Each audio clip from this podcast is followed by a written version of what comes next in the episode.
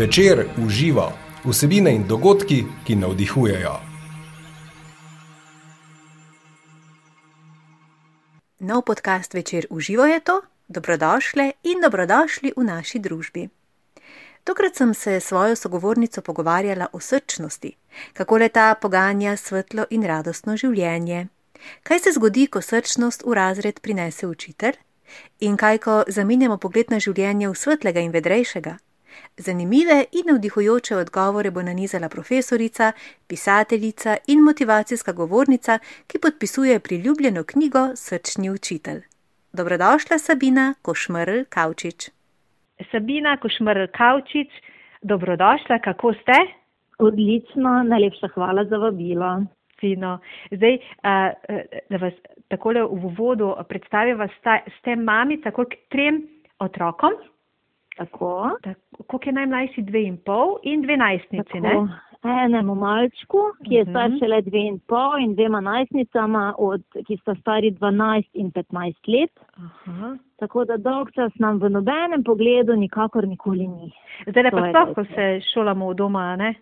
Zdaj, Ja, to je pa zdaj svojstven izziv. Ja. E, Čeprav se ustavim, ko bi želela karkoli potarnati, se ustavim, zato ker se zavedam, koliko staršev ima res majhne otroke. Mhm. v smislu šolarjev prvega starostnega obdobja, koliko je šele tam izzivov in ker utihnem in prekinem, ker moji veste so na toliko veliki, da so zelo samostojni tu- tudi okrog tehnologije, se znajdeta. Mhm.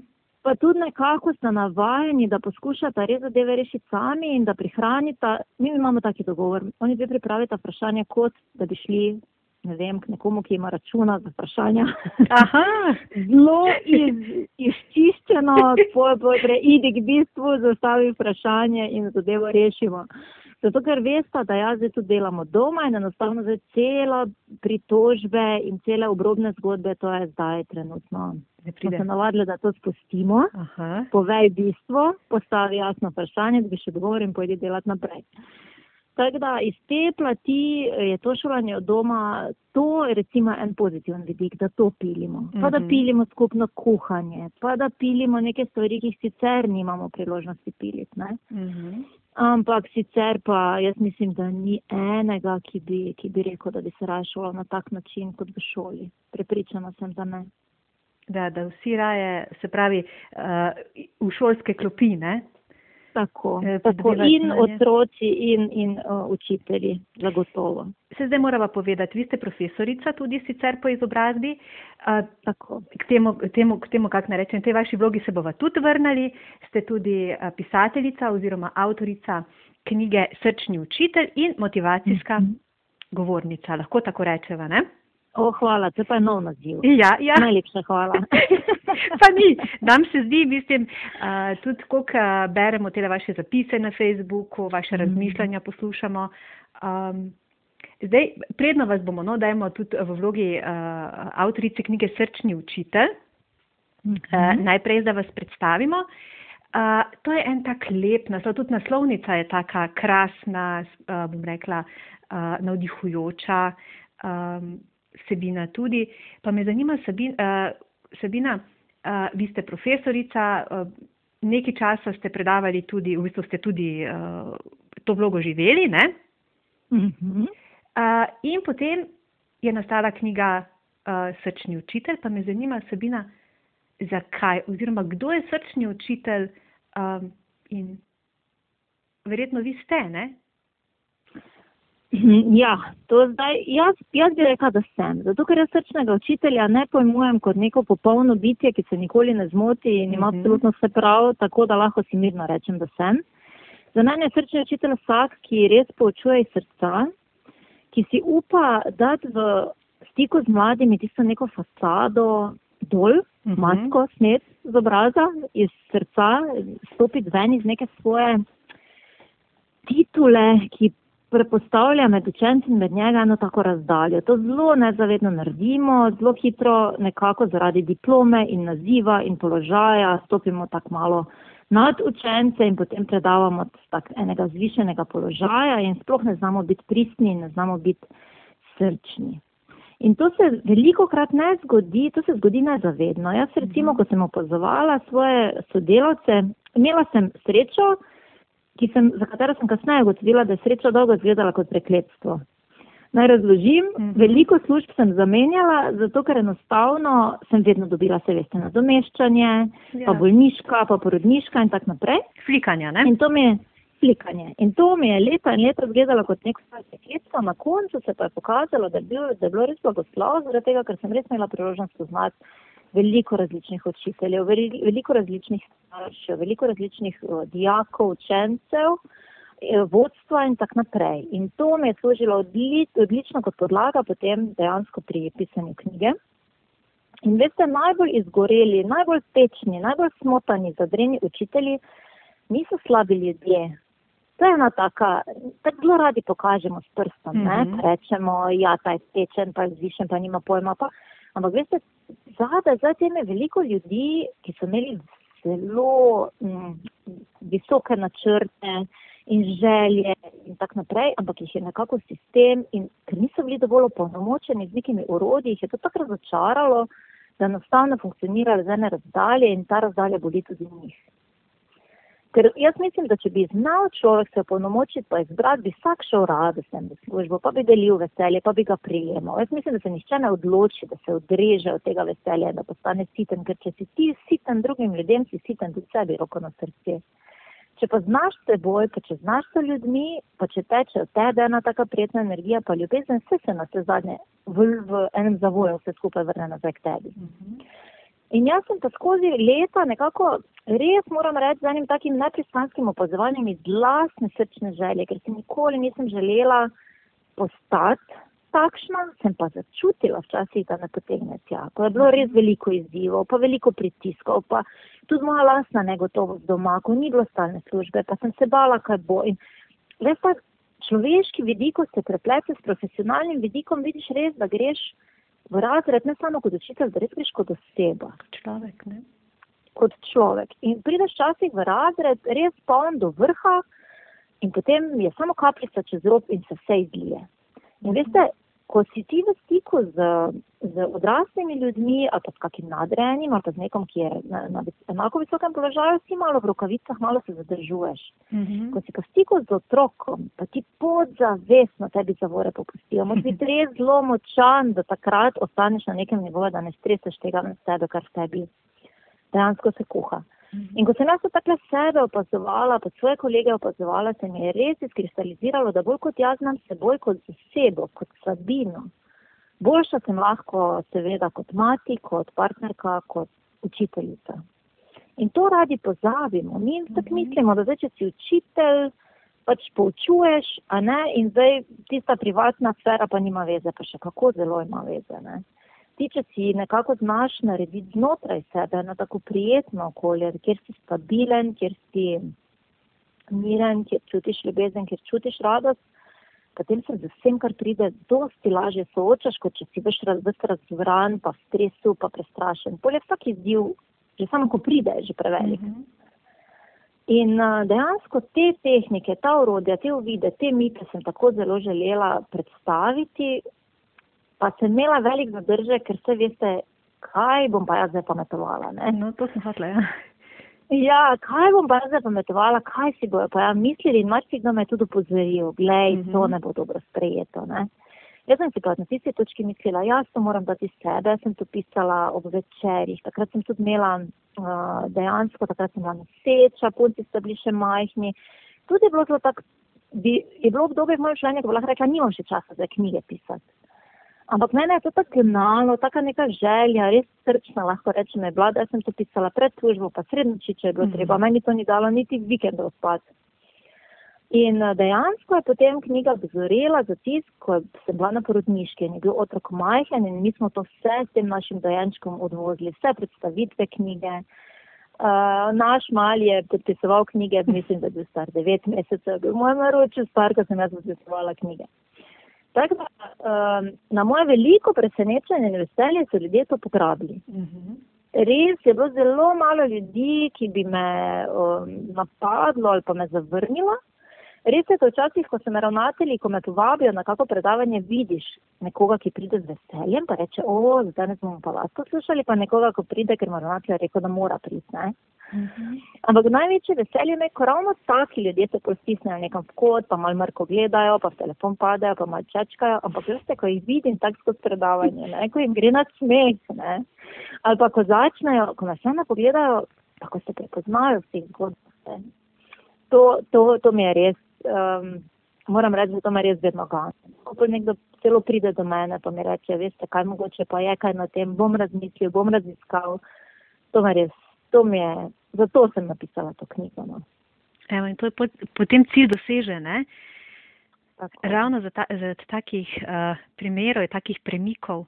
Um, Sabina, rekli ste, da v bistvu vse ne moramo deločiti srčnega učitelja od, od srčnega človeka privat, se pravi mm -hmm. zasebno, da to gre uh, vzajemno. Um, pa me zanima, vi um, imate eno tako, kot smo uspela razbrati iz vaših um, zapisov in v bistvu iz vašega pojavljanja uh, in razmišljanj. Um, ste zelo, uh, kako ne rečem, zelo odločna, um, kar se tiče uh, razumevanja življenja oziroma neke življenjske drže. Če zdaj čisto mhm. poenostavim, v smislu, da um, smo odgovorni za svoje življenje in da smo ustvarjalci svoje realnosti. Dejstvo je tako. Vedno.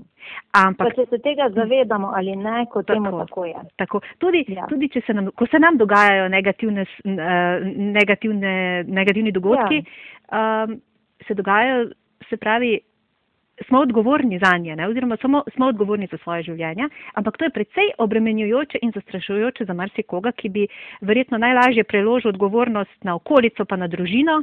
Ne? Seveda, seveda meni se zdi to tako zelo krivično, ker se nam to tako instinktivno zgodi, ker samo od mm -hmm. sebe. Ne? Ni se največ potruditi za to, da ti nekoga drugega kriviš, pa prelagaš odgovornost, kot da nam je prirojeno. To, yeah. Ja. to je instinktivno zdiv.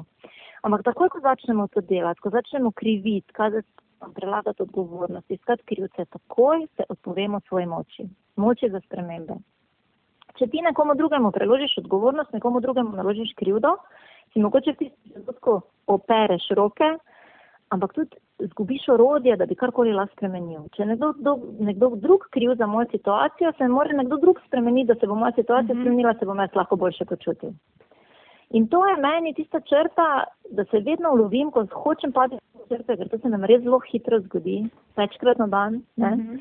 Ampak ko hočem tja paditi, zelo zavestno se okazujem in se samo spomnim tega, da če bom žrtev, bom nemočna. Mm -hmm. In če bom preložila zadevo na ramena nekoga drugega, bom enostavno uh, mogla čakati, da se ta nekdo drug spremeni, da bom potem jaz lahko dobro. Jaz pa na to nisem pripravljena pristati, ker jaz mojega življenja, dragocenega življenja, nikakor ne nameravam položiti nekomu drugemu v roke.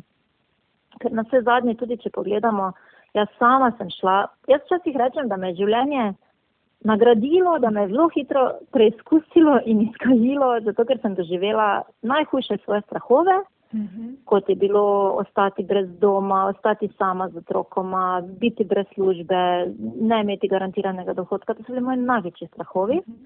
In sem jih doživela in sem jih preživela in sem na ta način uh, dejansko izgubila strah pred njimi.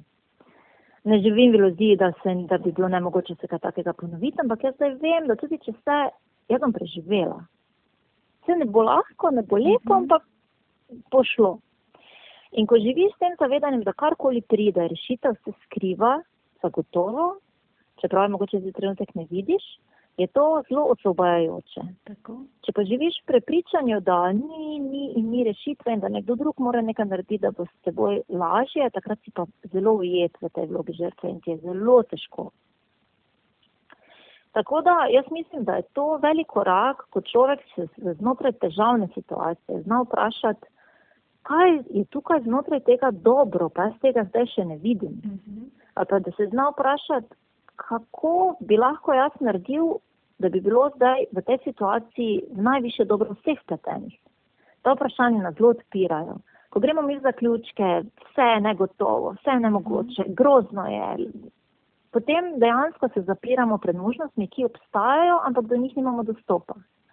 Ko pa uporabljamo taka vprašanja, ki odpirajo, pa nekako v nas priteka tista zavest, da bo, da bomo zmogli, mir priteka. Ne? In pravzaprav to je vse, kar ti sem trenutko potrebujemo. Mi rabimo eno sprostitev, eno olajšanje da se odpremo rešitvam, ki se na to lahko pokažejo. Dokler smo pa mi zaprti, prestrašeni, tesnobni, so pa, jaz si včasih to predstavljam, so pa rešitve na dosegu roke, pa imajo trdno zaprta vrata, pa ne morem do njih. Tako da v neki vsaki težki situaciji, ne vem, zdaj sem se spomnila trenutka, ko sem vedela, da imam do plače še par evrov, pa še nekaj dni bilo do plače, pa sem sama živela z dvema otrokoma. Enem obdobju v svojem življenju. In se spomnim, kakšna groza je bila meni tisti večer, ko sem sedela v kuhinji, pa sem razmišljala, pa kako se meni to zgodilo. Poglej, pa odlično celo življenje, pa pridna, pa marljiva, pa vsak šest me je pohvalil. Pa se mi je vsem zgodilo, da nimam garantirane službe, da živim v najemu, da dejansko sem čisto na koncu z nekim denarjem. Ne? In to je bil res uh, tak težek večer za mene, ampak v tistem trenutku sem se odločila, pa kaj zdaj? Pa to je pač zdaj eno obdobje v mojem življenju pa to bo minilo, to bomo rešili. Pač, mm -hmm. In včasih, ko to pripoveduje, moj deklice reče, ta mam, jaz se tega, mi se tega sploh ne spomnimo, jaz mi se sploh ne zavedamo, da nam je bilo kdaj tako težko. Mm -hmm. Ker je to bil moj pogled in naredil mm -hmm. celo spremembo. Če bi se jaz takrat predala temu, pa bi javkala vsem naokrog, pa kakšne meni težko, pa kakšne krivice, pa kdaj kaj se mi je zgodilo, jaz mislim, da bi si enostavno skreirala, skreirala mm -hmm. pot na vzdolj, na vzdolj, na vzdolj, vedno večje žrtve, vedno bolj Boga. Ker sem pa takrat rekla, pa pač dobro, ok, se zgodi, zdaj sem tu, kjer sem, kaj lahko jaz to naredim. In je naenkrat moje življenje postalo dogodivščina. Mhm. Pa me smo si skreirali, ravno mhm. takrat, sredi najhujšega, smo si naredili pa prijeten popoldan, pa iz malega smo si naredili zelo prijetne občutke, pa smo bile, pa sem cenila, smo skupaj, pa da smo zdrave, pa da. A veste. In se potem odpre druga pot in naslednja in je prišla ena priložnost in tako naprej. In jaz sem res prepričana, da s tem, kako mi vodimo sami sebe, si odklepamo priložnosti, ki nam prihajajo naproti. Resnično. Uh -huh. In če bi, da so to te naše majhne mikroizbire, ne gre za tri velike priložnosti, ki jih ti v življenju zelo dobro narediš in potem imaš krasno življenje. Uh -huh. Gre za vsakodnevne majhne odločitve. Zdaj sem razkorjen, kaj bom naredil v zvezi s tem, ali bom zdaj besen, pa bom dičal po sebi, pa po vseh ostalih, pa bom poniževalen, agresiven, ali se bom malo sedel s temi občutki dol, jih bom pridihal, pogledal, kaj pod njimi, ozavestil, celil. To so te odločitve. Ne, in potem korak po korak te življenje vodi in življenje, jaz mislim, da nam servira, tako ste prej rekli, in mislim, življenje nam servira vse, kar je možno. In ko nehamo soditi, kar dobimo na poti in enostavno sprejemamo, se z vsem, kar pride na pot, tudi zmoremo soočiti. Ampak nekako smo zmotno prepričani, da če bomo sprejeli, kar je prišlo na pot, kot da bomo to potrdili in bo to dobilo še večjo moč in da je rešitev, da mi to odrinjamo in odklanjamo in se s tem borimo. Pa ravno nasprotno. Takrat, ko ti to spremeš, ko s tem sedeš, ko ti to raziščeš, ko ti nek notranji odpor do tega zgubiš, potem pa si lahko rečeš, ok, kaj pa zdaj. Pa pa zdaj gremo ven iz tega. No, to, to. Ja. Se, ravno tule, ja. Sabina, tule bi še sam malo zadržala, da se tukaj pojasni ne, ljudem, poslušalcem uh mhm. -huh. našim. Um, gre, uh, se pravi, pojavi se nek izziv, nam ne ljub, ljuba situacija, tako je pri vas, da res kraj na tale uh, finančni problem. Uh -huh. Eno je potlačiti dejstvo, drugo je ga presešne. Od teh, od, to je velika razlika. Ne? In res, tako ste rekli, um, ljudje mogoče zmotno uh, to razumejo kot. Um, kot neke vrste udajo, uh, da klonejo, um, ali pa da potem potlačijo. Ne? S tem, ko potlačimo, to, to ni rešitev. Ne? Ne, Treba ne, je preseči in v tem je razlika. Lahko to pojasnimo. Velika razlika, zelo velika razlika. Tudi ni rešitev, da damo obliž preko ali pa malo Tako. šminke preko ali pa malo zlaganega nasmeška ali pa neko ni rešitev, ne, to je kratko trajna, lahko je navidezna, ampak dejansko to zadeve uh, v resnici ne reši. Um, razlika je med predati se kot udaja, pa med predati se življenju. Uh mhm. -huh. uh, ko se ti včasih, včasih nas življenje tako zmelje, tako se zmelje uh -huh. zato, da končno se nehamo že boriti. Da končno uh mhm. -huh. rečemo pa dobro, ok, dvignem roke, naj bo kar bo. In potem uh mhm. -huh. kar naenkrat vidiš, da ni konec, ampak da si skozi godnjo prišel na drugi strani v svetlobo ven. Yeah. Ja. Mi zelo naše tesnobne občutke odrivamo, ne? pa nočemo se soočati, pa nas je strah, pa nekako pridemo do roba nelagodja, pa pobegnemo nazaj, pa, pa, pa, pa ne upamo skozi. Rešitev je pa vedno samo skozi. Mm -hmm. Da mi dejansko, mislim, ljudje smo tak, včasih trda bitja, ne? ko bi le upali že prej to našo borbeno sekiro vreč v koruzo, pa reči, pa dobro, bo kar bo, ne? pa spustiti te barijere, pa ta odpor, pa pogledati stvari bolj tak um, z distanco, brez nekih notranjega strahu. Ampak te barijere se dvignejo instantno zaradi našega strahu. Te ljudje dejansko ali delujemo iz ljubezni ali delujemo iz strahu. In strah vedno prva reakcija ali pa zelo dosti krat je prva reakcija strah. Zdaj pa iti preko tega, znati s tem, ne, um, dejansko si dovoliti, da ti je težko iti pogledati, zakaj ti je težko, kaj je pod tem, kaj se meni zbuja, kaj mene spodaj nekje žuli. Ne? Mm -hmm. Mislim tudi zdaj ta kriza, če pogledamo, kaj se nam zbiguje, kakšni strahovi se, se nas iztevajo. Recimo, poprečni državljan se sekira, kaj bo službo, kaj, mm -hmm. kaj bo s gospodarstvom. Eh, kaj bo s prihodnostjo. S tem pa naj še zdaj mirno počuje svojega otroka najbolj življenju radosten. Po mojem bi mi kdo fotno stisnil, zdaj če bi mu rekla, da naj bo sredi tega srečen in zadovoljen. Ne? Ampak, gledajte, če se jaz sedem dol sama s sabo, pa si pogledam, ok, kaj če se mi zgodi, da res postanem kreditno nesposobna, kakšne so rešitve. Pa če se znam z nekom pogovoriti, ki ima pojma o tem, kakšne so rešitve, mi lahko da imam nek backup plan, recimo, mm -hmm. lahko mu rečem. Pa če pomislim, okay, kaj če se mi res zgodi, da ne vem, najbolj črne scenarije, da si upam iti v njih, da jih upam iti pogledati, osvetliti. In naenkrat ugotoviš, da ni vse tako črno, da za vse obstaja neka rešitev. Dokler pa ti samo tako na robu bentiš, pa se bojiš iti to pogledati, takrat pa res gleda nerešljivo in takrat pa res potem rohniš na svojega otroka, ker ni skapiral osnovi, ki mu je učiteljica razlagala dopoledne. In to je naša naloga odraslih, da čistimo po sebi, da smo odgovorni, da zares gremo pogledati, kaj nas žuli, da drugače vso to prtljago dobi serviran otrok. Kdo pa drug? Mhm. Kdo pa drug stisne na tisto tipko, ko se ves ta gnev izlije? Valjda da otrok. Otrok nima kam iti. Otrok je moral spati doma, ne rabimo se bati, da nas bo pustil, tako kot recimo pri se zadržimo, ker on lahko gre, mm -hmm. ali pa pred prijateljem, Ne? Otrok nima kamit, otrok je od nas odvisen, otrok je manjši, otrok je šipkejši. In hočeš ali nočeš, če nimaš, če ne pogledaš vase iskreno, kaj te boli, bo tista bolečina povzročila, da bo otrok naredil manjši držljaj, pa se bo na njega zlilo vse, kar je njegovo, pa še vse, kar ni njegovo. Mm -hmm. Tako da dejansko res se soočati z našimi strahovi, soočati se z našimi prepričanji, ki so veliko krat zelo lažniva soočati se s predsotki, ki se jih sploh ne zavedamo in vse ta strah, ki se zaviguje, vse ta jeza, vse ta agresija, vse to buta ven za to, da bi si mi to ogledali, uh mhm. -huh. da bi se s tem soočali, da bi mi to celili, opuščali, se tega osvobajali. Ampak zato je potreben pogum. Zato je potreben pogum, da res sedemo, magari napišemo, res pogledamo svoje srce, sami vase. Ne? In najbolj hecno je, da je potreben pogum samo za tisti korak, ker na koncu odkriješ, da je to tako. In na koncu odkriješ, da je to olajšanje. Yeah. Ja. Da je spodaj mnogo manj strašljivo, kot si se ti bal, da si več energije zapravljal s tem, da si se temu izogibal, kot za to, da se v to poglobiš. In ko pa to enkrat ugotoviš, meni je tako všeč Amy Cuddy, ne, ko reče fake it until you become it.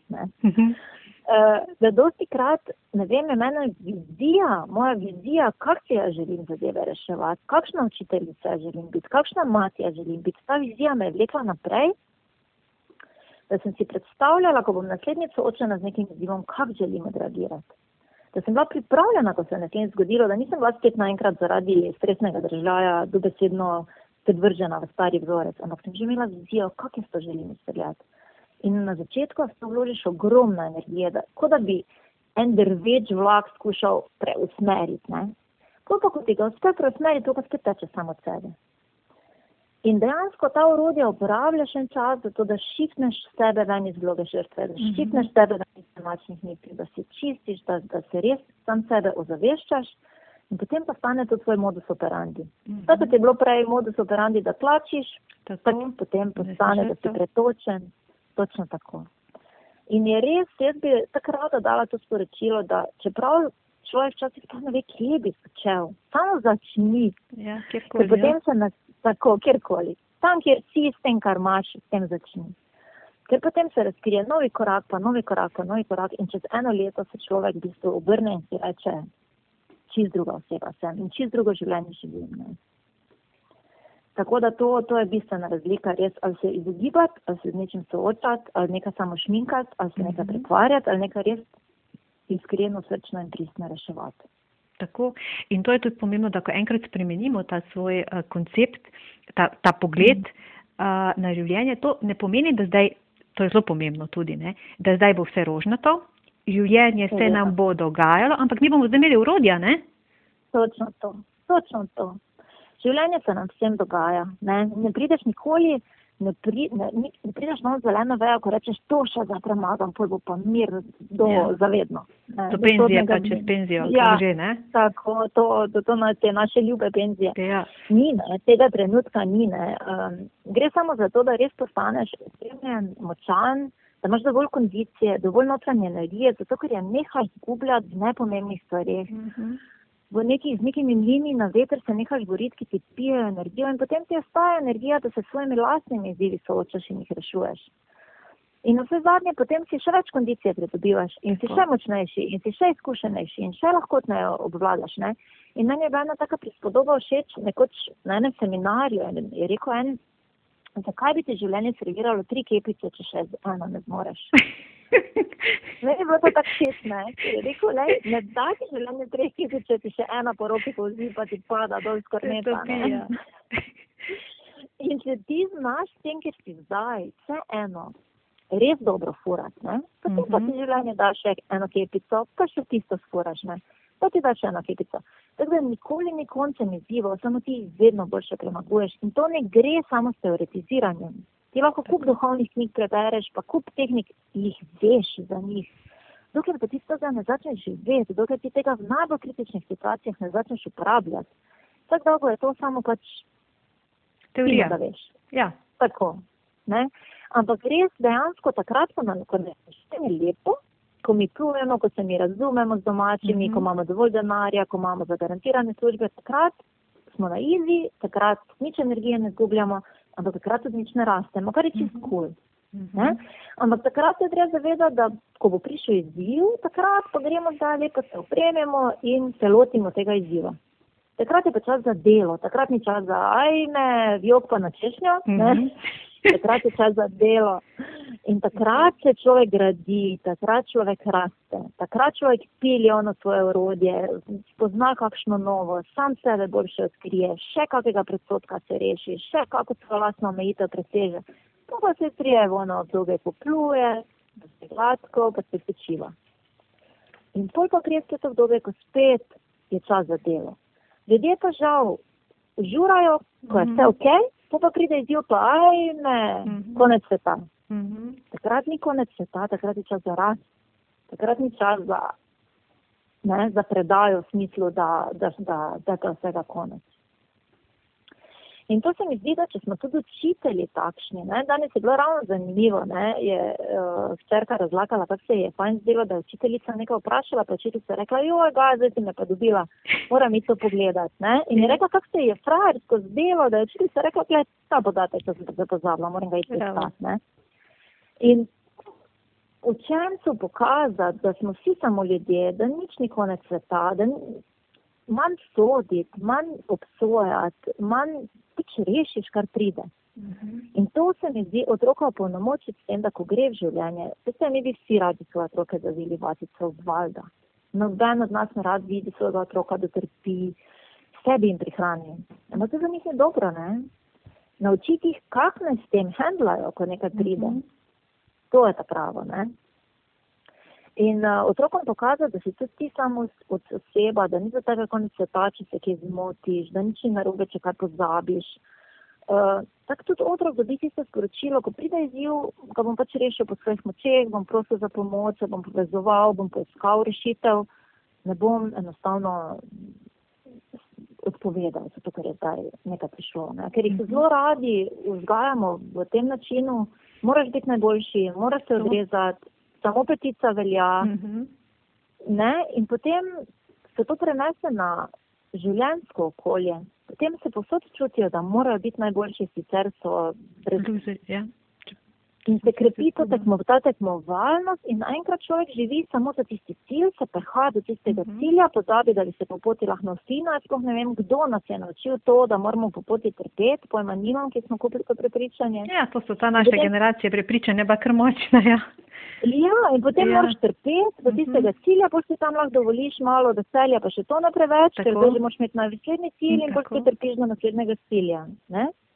In samo delo, delo in hitro, hitro in čim hitreje in čim več in čim boljše za koga. Za koga. Zato, da lahko pri penziji rečeš, ne vem kaj. Ne? Eh, Kaj pa tista pot je pa tri četrt našega življenja? Tista pot je najpomembnejša, da človek zna osmisliti. Ravno danes sem poslušala tu malo za vse zgoraj, na eni Mhm. pisarni, zdaj ne, Mhm. nasproti. In jaz slišim, kako zdihuje, ne, na zumu je, slušalke ima, na mute ima računalnik in jaz slišim, kako zdihuje, zdihuje, ne. Pa rečem, pa dobro, špela, kaj se dogaja, pa mani, ne se tak ne da, ne. Da ne se ubija, ne. In veste, osmisliti jim takrat, osmisliti, spomniti jih, zakaj to delajo, da to ni samo sebi, zakaj se bo to obrestovalo, da je to pomembno. Osmisliti pot, ne da pač mora zdaj pripeti do nekega cilja, osmisliti, osvetliti, neko radost jim najti, neko veselje. In to, to je še za nas odrasle, še mi nismo tako disciplinirani, da bi si to znali narediti. Ne?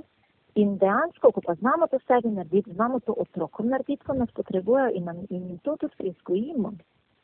Da Tako. ko se jim zdi nekaj težko, ok, kako na to pogledam drugače. Mhm. Ok, kako se lahko olajšam. Ok, kako lahko naredim na drugačen način. Ok, kako se lahko temu izognemo, ali če je pretežko, pa če res ne resonira z mano. Mhm. Da se ne predajo, ker ok, pač treba trpeti.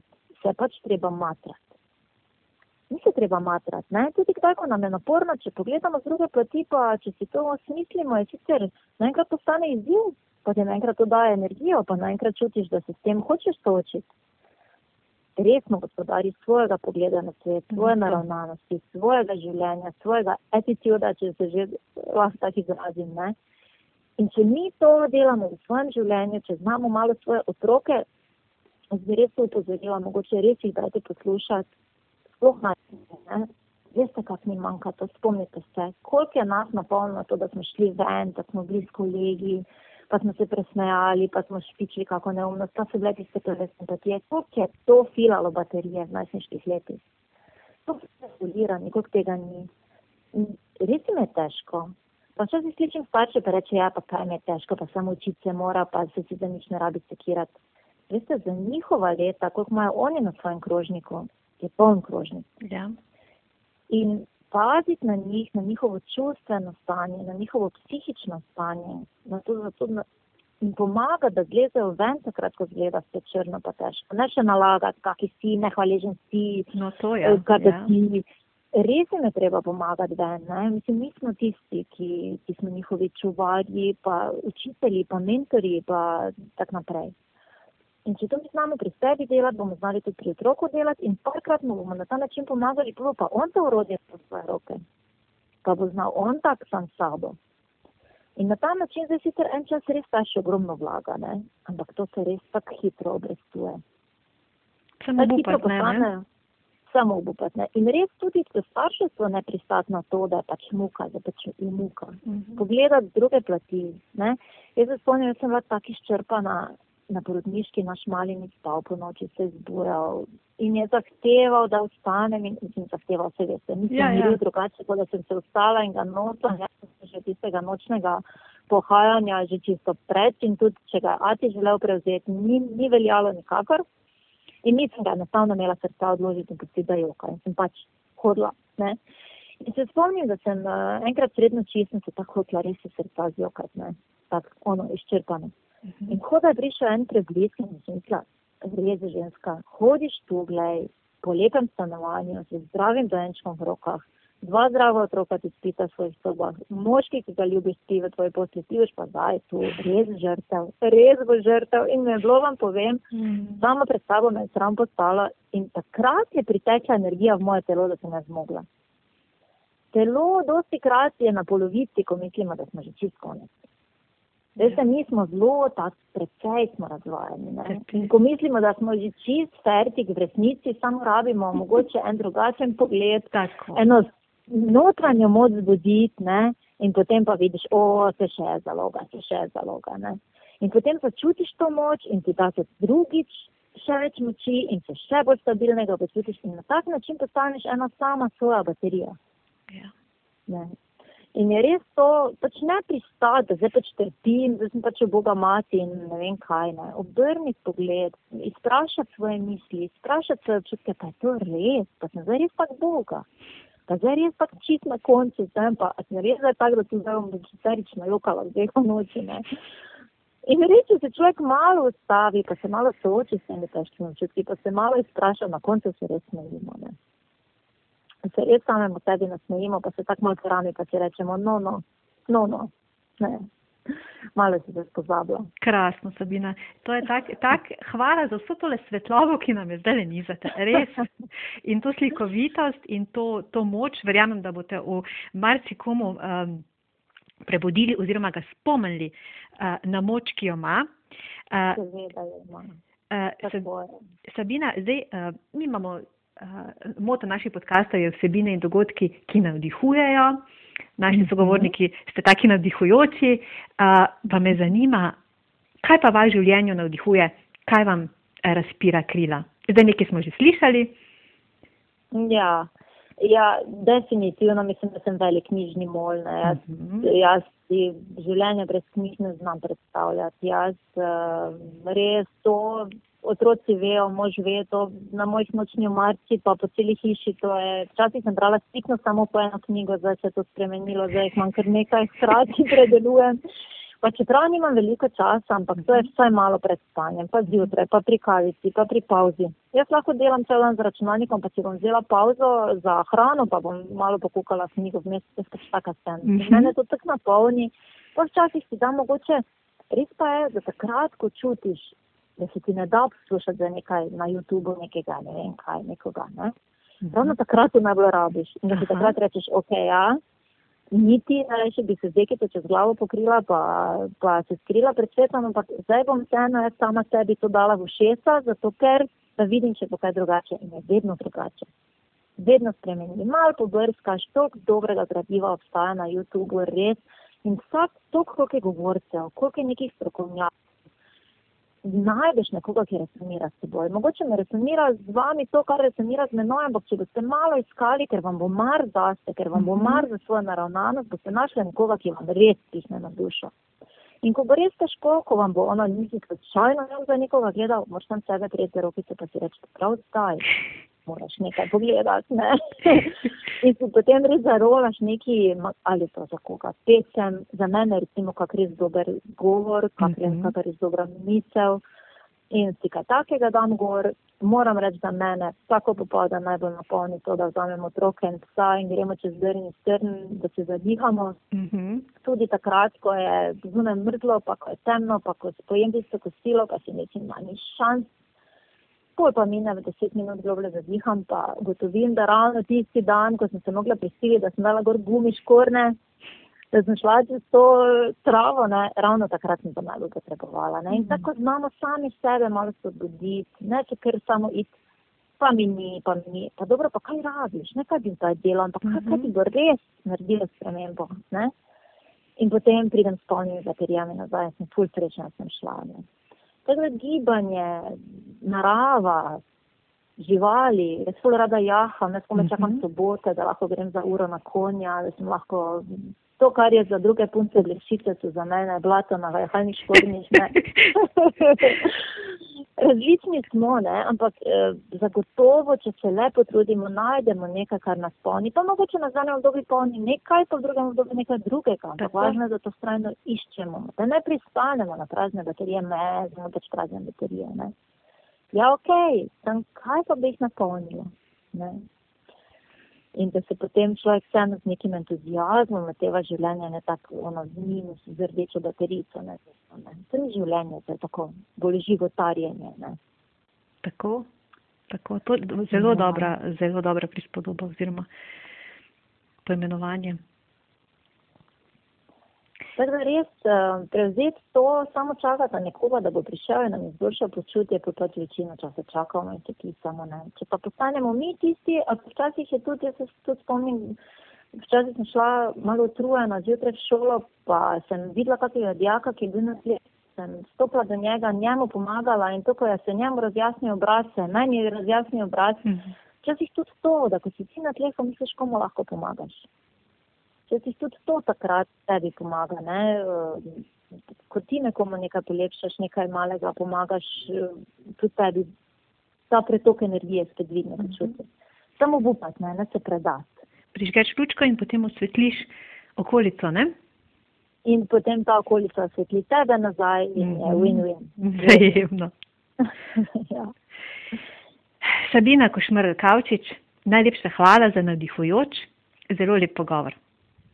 Najlepša hvala vam, vse dobro in vse lepo in tako rečemo, štajci ni predaje. Več informacij o podcastih in dogodkih večer v živo najdete na trikrat vodnim vvc.com poševnica v živo in na facebook strani večer v živo.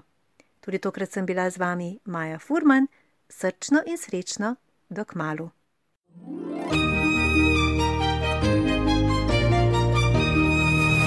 Večer v živo vsebine in dogodki, ki navdihujejo.